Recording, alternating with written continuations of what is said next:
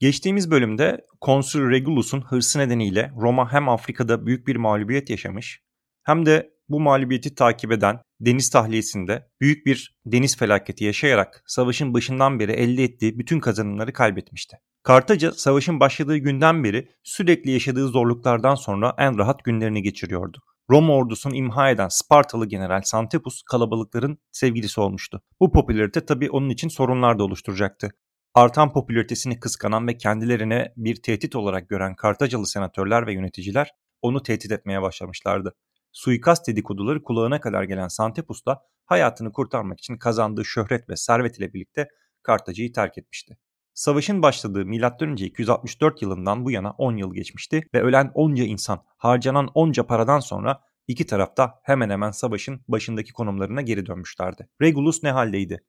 Regulus Kartacalılara esir düştükten sonra Kartacalı ve Romalı esir değişimi için Kartacalılara geri dönme yemini ederek Roma'ya gitmiş fakat senatoyu esir değişimine ikna edemeyince yeminini onurlandırmak için Kartaca'ya dönmüştü.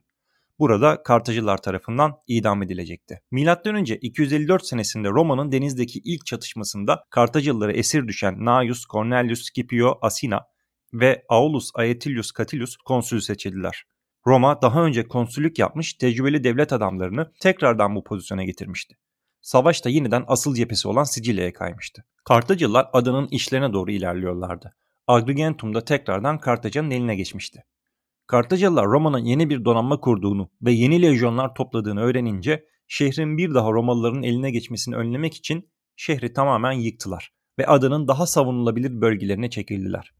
Tüm kaynaklarını seferber ederek 3 ay içinde 220 yeni savaş gemisi inşa etmeyi başaran Roma, denizleri tekrardan Kartaca'ya terk etmeye niyetli olmadığını göstermişti. 220 parça gemi Messana'da batan donanmanın kurtulmuş gemileriyle birleşip adanın kuzeyinden ilerleyerek Panormus'u abluk altına aldı. Karadan ilerleyen lejyonlar da şehri kuşatıp düşürdüler. Şehrin 27 bin sakininden fidye ödeyebilen 14 binine dokunulmadı. Fidye ödeyemeyen 13 bin sakin ise köle olarak satıldı. Bir başka Roma ordusu da adanın en batı ucundaki güçlü Kartaca şehri Lilibaeum'a saldırmıştı fakat şehri alamamıştı. Roma donanması da Afrika açıklarına inerek Bon burnunun batısında kalmak kaydıyla Afrika kıyılarını yağmalayıp M.Ö. 253 yılında Messana'ya geri dönmüştü. Buradan da Roma'ya yola çıkan donanma İtalya'nın güneybatı kıyısında bulunan Palinurus burnunda bir fırtınaya kapıldı ve 150 gemi kaybetti.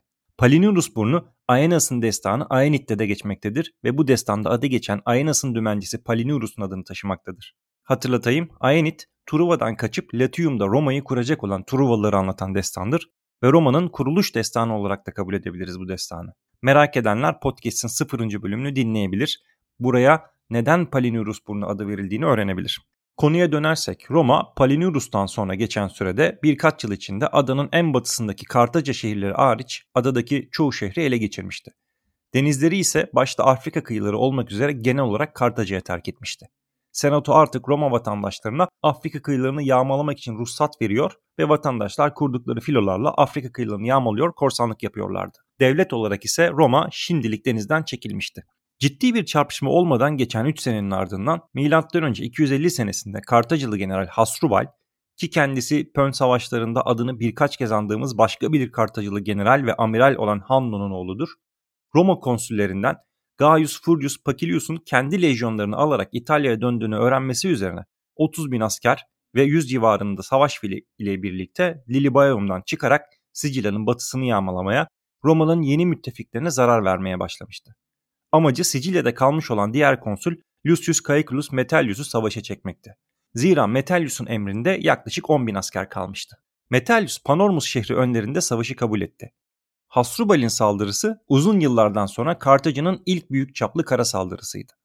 Metellius yavaş yavaş geri çekilerek Kartaca ordusunu Panormus şehir surlarına kadar ilerletip ardından da önce ok yağmuruna tuttu sonrasında da şehir kapılarından çıkıp Kartaca ordusunun kanatlarına saldırarak yendi. Hasrubal ordusunun yavaş yavaş tuzağa çekişiyle müdahale edemediği bu çarpışmada Kartacalılar tüm fillerini kaybettiler. Bu çarpışma 1. Pön Savaşı'nın son büyük karar çarpışmasıydı. Lucius Caecilius Metellius onuruna zafer alayı düzenlendi. Zafer alayında Kartaca ordusundan ele geçirilen savaş filleri de yer aldılar ve geçitin ardından Circus Maximus'ta Roma tanrılarına kurban edildiler. Fil, Lucius Caecilius Metellius'un ailesi olan Caecili Metelli ailesinin simgesi haline geldi ve ailenin bastırdığı paralar da Cumhuriyet'in sonuna kadar da kullanıldı. Hasubal ise Kartaca'da idam edilecekti. Bu çatışmadan sonra Sicilya'daki Kartaca kuvvetlerinin komutanı olarak atanan Atubal, Güneybatı Sicilya'daki son Kartaca kentlerinden Selinus'u da savunulmaz bulduğu için yıkarak tamamıyla Lilibeum'a çekildi. Kartacalıların Sicilya'nın en batı ucuna çekilmeleri üzerine adayı tamamen ele geçirmek isteyen Roma, Palinurus'tan 4 sene sonra zorunlu olarak yine bir donanma kurdu. 200 parçalık Roma donanması ve Roma ordusu Lilibaeum'u karadan ve denizden kuşattı. Kartacalılar kuşatmaya rağmen 50 parçalık bir filo ile 10 bin paralı askeri şehri göndermeye başardılar. Aynı günün akşamında da şehirdeki Kartaca süvarisi tahliye edildi. Böylece şehir kuşatma için ağırlıklarını da atarak hazırlanmış oluyordu. Bu operasyonu yapan Kartaca filosunu Rodoslu Hannibal komuta ediyordu ve kuşatma boyunca birçok kez Romalıları gafil avlayacak, elde ettiği istihbaratı diğer Kartacalı komutanlara ve Kartaca senatosuna ileterek Kartaca için çok faydalı işler yapacaktı. Rodoslu Hannibal'in yetenekleri sayesinde Lilibaeum ikmal edilebildi ve Kartaca ile haberleşmesi sağlandı. Rodoslu Hannibal en nihayetinde Roma tarafından ele geçirilmiş bir Kartaca gemisi sayesinde hile ile kandırılarak Romalıların eline düştüğünde Lilibaeum için işler de zorlaşmaya başladı. Romalılar 200 parçalık donanmalarının kürekçilerini karaya çıkartıp kuşatma için kule, koçbaşı, mancınık gibi kuşatma silahları inşa etmeye başladılar. Zaten uzun süredir denizde olduklarından sağlıkları iyi durumda olmayan kürekçiler hızla hastalanmaya ve ölmeye başlayınca Roma Senatosu M.Ö. 249 senesinde 10 bin kürekçi toplayarak karadan Lilybaeum'a gönderdi. Kartacalıların yeni gelen 10 bin kürekçiyi fark etmediklerini gören Romalı konsül Publius Claudius Pulchar, Lilybaeum'un kuzeyindeki Drapenum'daki Kartaca donanma üssünü işgal ederek Lilybaeum'un kuşatmaya dayanma gücünü kırmak istiyordu. Roma, Drepanum'u ele geçirebilirse Kartaca donanmasının Batı Sicilya'da varlık göstermesi hemen hemen imkansız hale gelecek. İkmal hatları tamamen kesilecek olan Lilybaeum da bir noktada teslim olacaktı. Plan ve beklenti bu yöndeydi. En başta savaşın başlamasını çok isteyen Claudia ailesinden olan Pulcher, savaşın bir an evvel Roma zaferiyle bitmesini sağlamaya çalışıyordu. Pulcher 123 gemiden oluşan filosu ile gece karanlığında kuzeye, Drapenum'a doğru açıldı. Amacı üste bekleyen Kartaca filosunu baskın ile imha edip limanı ele geçirmekti. Gece yola çıkan Roma gemileri düzenlerini yitirdiler ve bu halde Drapenum açıklarına geldiklerinde Kartaca filosu tarafından fark edildiler. O noktada iki filonun yarışı başladı. Kartaca filosu limanı terk edip savaş düzeni almaya, Roma filosu ise Kartacalılar limanı terk edemeden limana girerek savaşa hazır olmayan Kartaca filosunu imha etmeye çalışıyordu. Hedeflerine ulaşamayacaklarını anlayan Romalılar limana girmek yerine açıkta savaş düzeni almayı denediler. Fakat bu durum Roma filosundaki düzensizliği kaosa çevirecek, Kartaca filosu tarafından kuşatılmasına neden olacaktı. Romalılar büyük bir mağlubiyet aldılar. Kartacalılar gemi kaybetmezken Romalılar 93 gemi ile 20 bin denizci ve asker kaybettiler. Sadece 30 gemi dönebilmişti yola çıkan 123 gemiden. Roma artık korvus kullanmıyordu. Kartacalılar da gemilerinde Romalılar gibi piyade kullanmaya sonunda ikna olmuşlardı. Sonuç daha yetenekli denizcilere ve daha iyi gemilere sahip olan Kartaca'nın zaferiydi. M.Ö. 249 senesinin diğer konsülü Lucius Junius Pullus 120 savaş gemisi ve erzak taşıyan 800 nakliye gemisinden oluşan bir filo ile Sirakuza üzerinden adının güney kıyılarını takiben Lilybaeum'a doğru yoldaydı. Filo Sirakuza'da mola verip burada ikiye bölündü. Bir parça yola devam ederken diğer parçada geride kalan gemileri bekleyip daha sonra yola çıkacaktı. Bu sırada Drapenum'da zafer kazanan Kartaca donanması güneye inerek önce Lilybaeum'u abluka altına alan Roma filosunu vurmuş, ardından da adının güney kıyılarını takiben doğuya yönelmişti. İki düşman filo adının güneyinde birbirlerine doğru ilerliyorlardı. Öndeki Roma filosu yaklaşmakta olan Kartaca filosundan keşif gemileri sayesinde haberdar oldu ve Kartaca filosu ile savaşmaktansa en yakın Roma yerleşiminin kıyılarında gemilerini bir hat gibi dizip gemilerin arkasından da yerleşimlerden getirdikleri mancınıkları dizerek savunma pozisyonu aldı. Bu önlem Kartaca filosunun büyük bir saldırı yapmasını engelledi ve Romalılar ufak çaplı kayıplarla saldırıyı atlatmayı başardılar. Bu esnada yaklaşık 80 kilometre doğuda Roma filosunun arkadaki parçası adanın güneydoğu ucundan dönerek batıya yönelmiş Kartaca filosuna doğru geliyordu. Lucius Junius Pullus emrindeki filo kıyıya çok yakın bir biçimde ilerliyordu.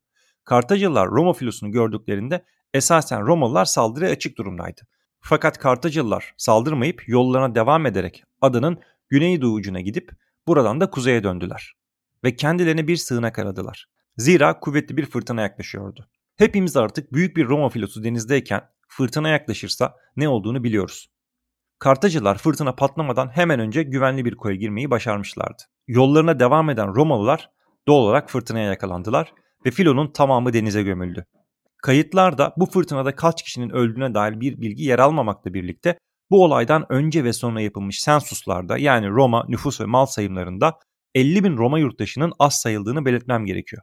Milattan önce 251 senesindeki sensusta 297.797 yurttaş kaydedilmişken milattan önce 247 yılında yapılan sensusta 241.212 yurttaş kaydedilmiştir.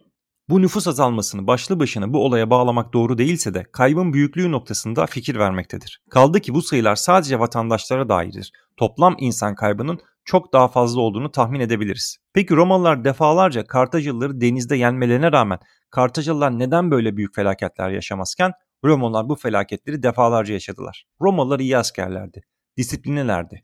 Corvus gibi deniz savaşlarını neredeyse kara savaşına dönüştüren bir icata sahiplerdi fakat şurası net ki 1. Pön Savaşı sırasında iyi denizciler değillerdi. En azından havayı okuyamıyorlardı. Havayı okuyan adamlar Kartaca'daydı. Bu olaydan sonra 5-6 yıl boyunca Roma bir daha denize filo indiremedi. Karada ise kuşatma devam ediyordu fakat sonuç alınamıyordu. Karada ise kuşatma devam ediyordu fakat sonuç alınamıyordu. Kartaca kuşatma başladığında şehirden tahliye ettiği süvari birliklerini de şehir yakınlarında tekrar karaya çıkarmıştı. Kartaca süvarisi birliklerin vurkaç saldırılarına maruz kalan kuşatmacılar en sonunda fırtınadan kurtulan konsül Lucius Junius Pullus'un emriyle kuşatmayı kaldırıp geri çekilerek yine adanın batı ucunda yer alan Erix Dağı çevresinde kamp kurdular. Stratejik olarak hakim bir tepe olan Erix'ten Drapenum ve Lilybaeum'daki Kartaca garnizonlarının içlerine saldırılar yapmalarını engelliyorlardı. Bu şekilde savaş yeni bir dengeye geldi ve şiddeti de azaldı. Her iki devletin de ilgilenmeleri gereken başka sorunlar ortaya çıkmaya başlamıştı. Kartaca, Kuzey Afrikalı isyankar halklarla uğraşırken Roma'da kuzeyde beliren Galyalı kabilelerin meydana getirdiği tehlikeye karşı önlem almalıydı. M.Ö. 247 senesinde Hamilkar Barca adaya gelerek adadaki tüm Kartacı güçlerinin komutasını aldı. Panormus çevresini kendisine üst seçerek elindeki kısıtlı kuvvetle birlikte Romalılara karşı bir gerilla savaşa vermeye başladı. Kartaca'dan destek gelmiyor oluşu Hamilkar Barca'nın daha fazlasını yapmasını engelliyordu. Yine de M.Ö. 244 yılında inisiyatif alarak Erix Dağı'nda konuşlanmış bulunan Roma kampını ve kamp yakınlarındaki ismini de dağdan alan şehri bir yıl boyunca kuşattı ve en nihayetinde de ele geçirerek Erix Dağı'nı yeni üstü haline getirdi. Aradan geçen zamanda Roma denizde olmadığı için Kartaca donanması da Sicilya kıyılarını boşaltmış durumdaydı. Karada ise anlattığım üzere Hamilkar Barca elindeki kısıtlı kuvvetle Romalılara karşı bir yıpratma savaşı yürütüyordu. Kartaca ticaretini devam ediyor, para kazanmayı sürdürüyordu.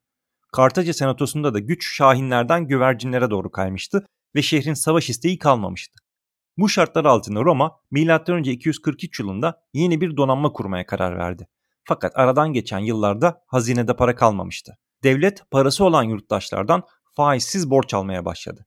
Normal şartlarda bulamayacağı kadar bol ve rahat borç bulabiliyordu. Zira özellikle Ekite sınıfında savaşın başındaki yeni topraklara ve zenginliklere sahip olma motivasyonu anlaşıldığı kadarıyla hala devam ediyordu.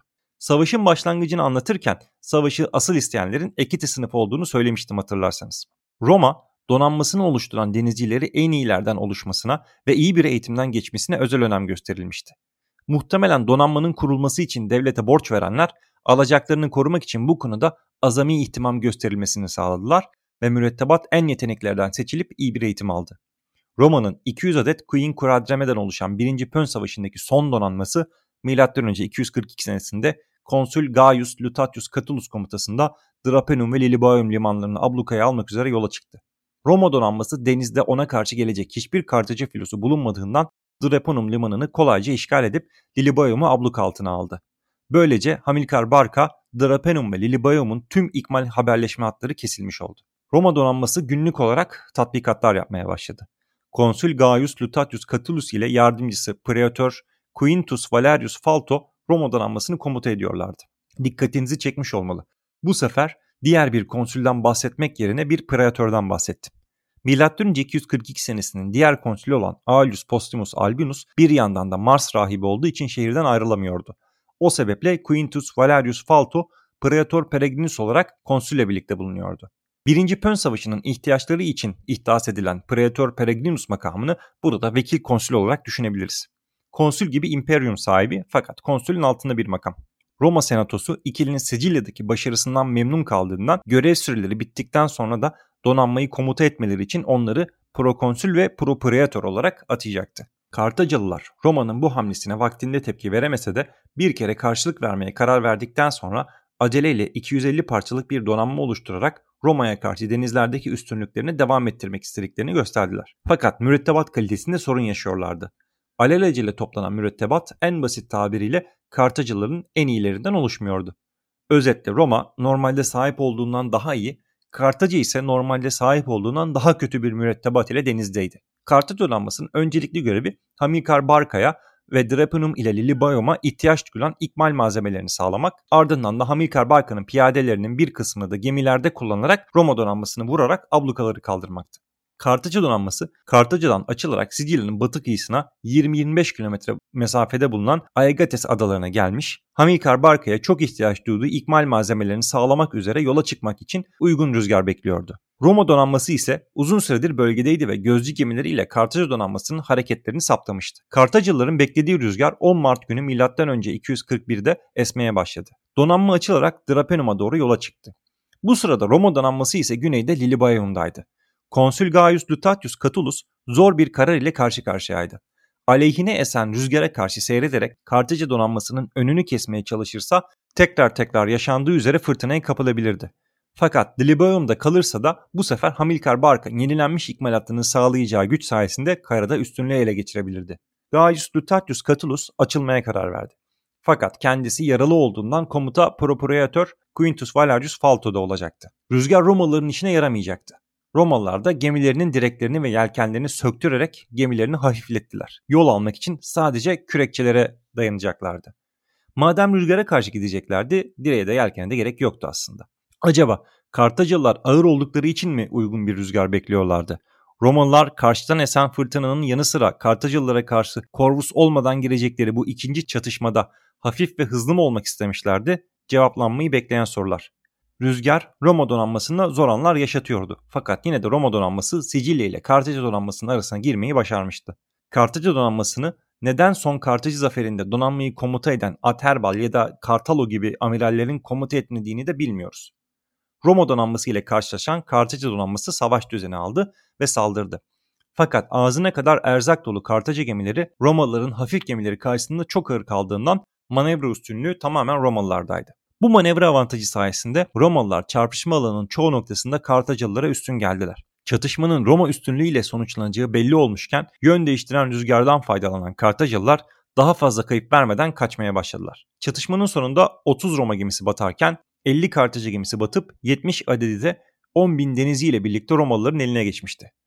Roma'da prokonsül için zafer alayı tertip edilirken propraetor için de küçük bir zafer alayı tertiplendi. Bu mağlubiyet nedeniyle Drapenum ve Lilybaeum'un ablukasını kaldıramayan Hamilkar Barka'ya ihtiyaç duyduğu ikmal malzemelerini sağlayamayan Kartaca ya yeni bir donanma kuracaktı ya da Roma ile barış görüşmelerine başlayacaktı. Kartaca senatosu bir maliyet muhasebesi yaptı ve Sicilya'yı terk etmenin savaşa devam etmekten daha az zararlı olduğuna kanaat getirdi.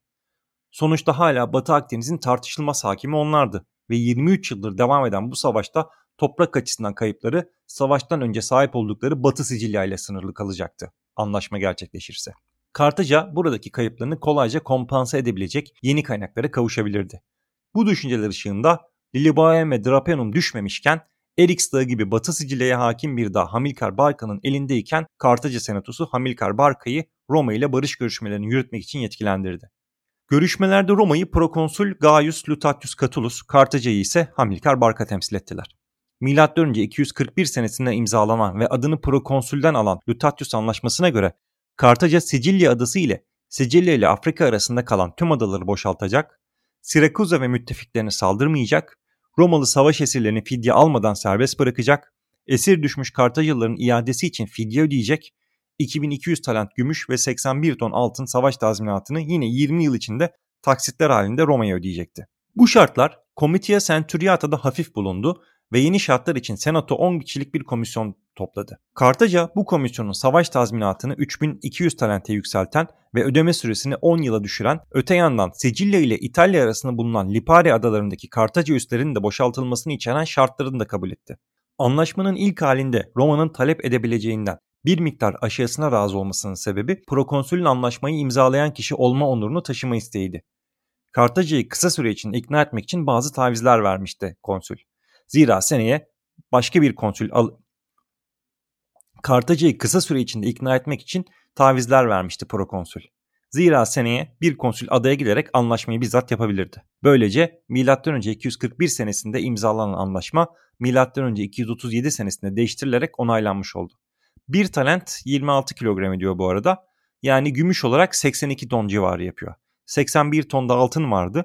10 yıl boyunca yılda 8'er ton altın ve gümüş Kartaca'dan Roma'ya akacaktı. Savaştan sonra Kartaca mali açıdan zor durumdaydı ve paralı askerlerin ücretini ödeyemeyince mevcutları 21 olan paralı askerlerin tamamı ayaklanmıştı. Bu ayaklanmaya Kartaca egemenliğinden kurtulmak isteyen şehirler de katılınca isyancı ordusunun mevcudu 70 bin askere dayanmıştı. Roma, Kartaca'nın muhtemel çöküşünü önlemek için elindeki 2743 savaş esirini Kartaca ordusuna gönderdi ve Sirakuza'nın da Kartaca'ya Kartaca'nın isyanlar nedeniyle kendi hinterlandından sağlayamadığı tahılı göndermesine müsaade etmişti. Bu sırada Sardinya ve Korsika'da asilerin eline geçmişti. Önce 238'de Afrika'daki isyanı bastıran Kartaca, Sardinya ve Korsika'daki isyanları bastırarak bu adalarda da otoritesini tekrardan sağlamak istiyordu. Asiler Roma'dan yardım istedilerse de Roma yardımı kabul etmemişti. Önce 240 yılında Kartaca'dan Sardinya'ya isyanı bastırması için gönderilen askerler de isyancılara katılmıştı. Ancak Sardinya'da da yerli halk isyancı askerlere karşı ayaklanmış ve onları adadan kaçmak zorunda bırakmıştı. Kaçan askerler Roma'ya sığınmışlardı ve Roma'dan yardım istiyorlardı.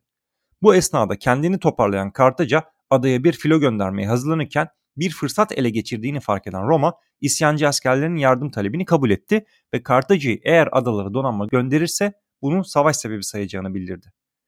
Roma ile 23 yıl, isyancılar ile de 4 yıl süren savaştan yorgun düşmüş Kartaca geri adım attı ve Lutatius anlaşmasına bir zeyilname ile Kartaca'nın Sardinya ve Korsika'yı terk edeceği ve Roma'ya ek olarak 1200 talent savaş tazminatı ödeyeceği maddelere eklendi. Kartaca böylece 300 yıldır hakimi olduğu adaları da Roma'ya terk etmiş oluyordu. Roma bu adalar ile birlikte sadece İtalya kıyıları ve Sicilya çevresinde değil, Batı Akdeniz'de de Kartaca ile boy ölçüşebilecek bir güç haline geliyordu.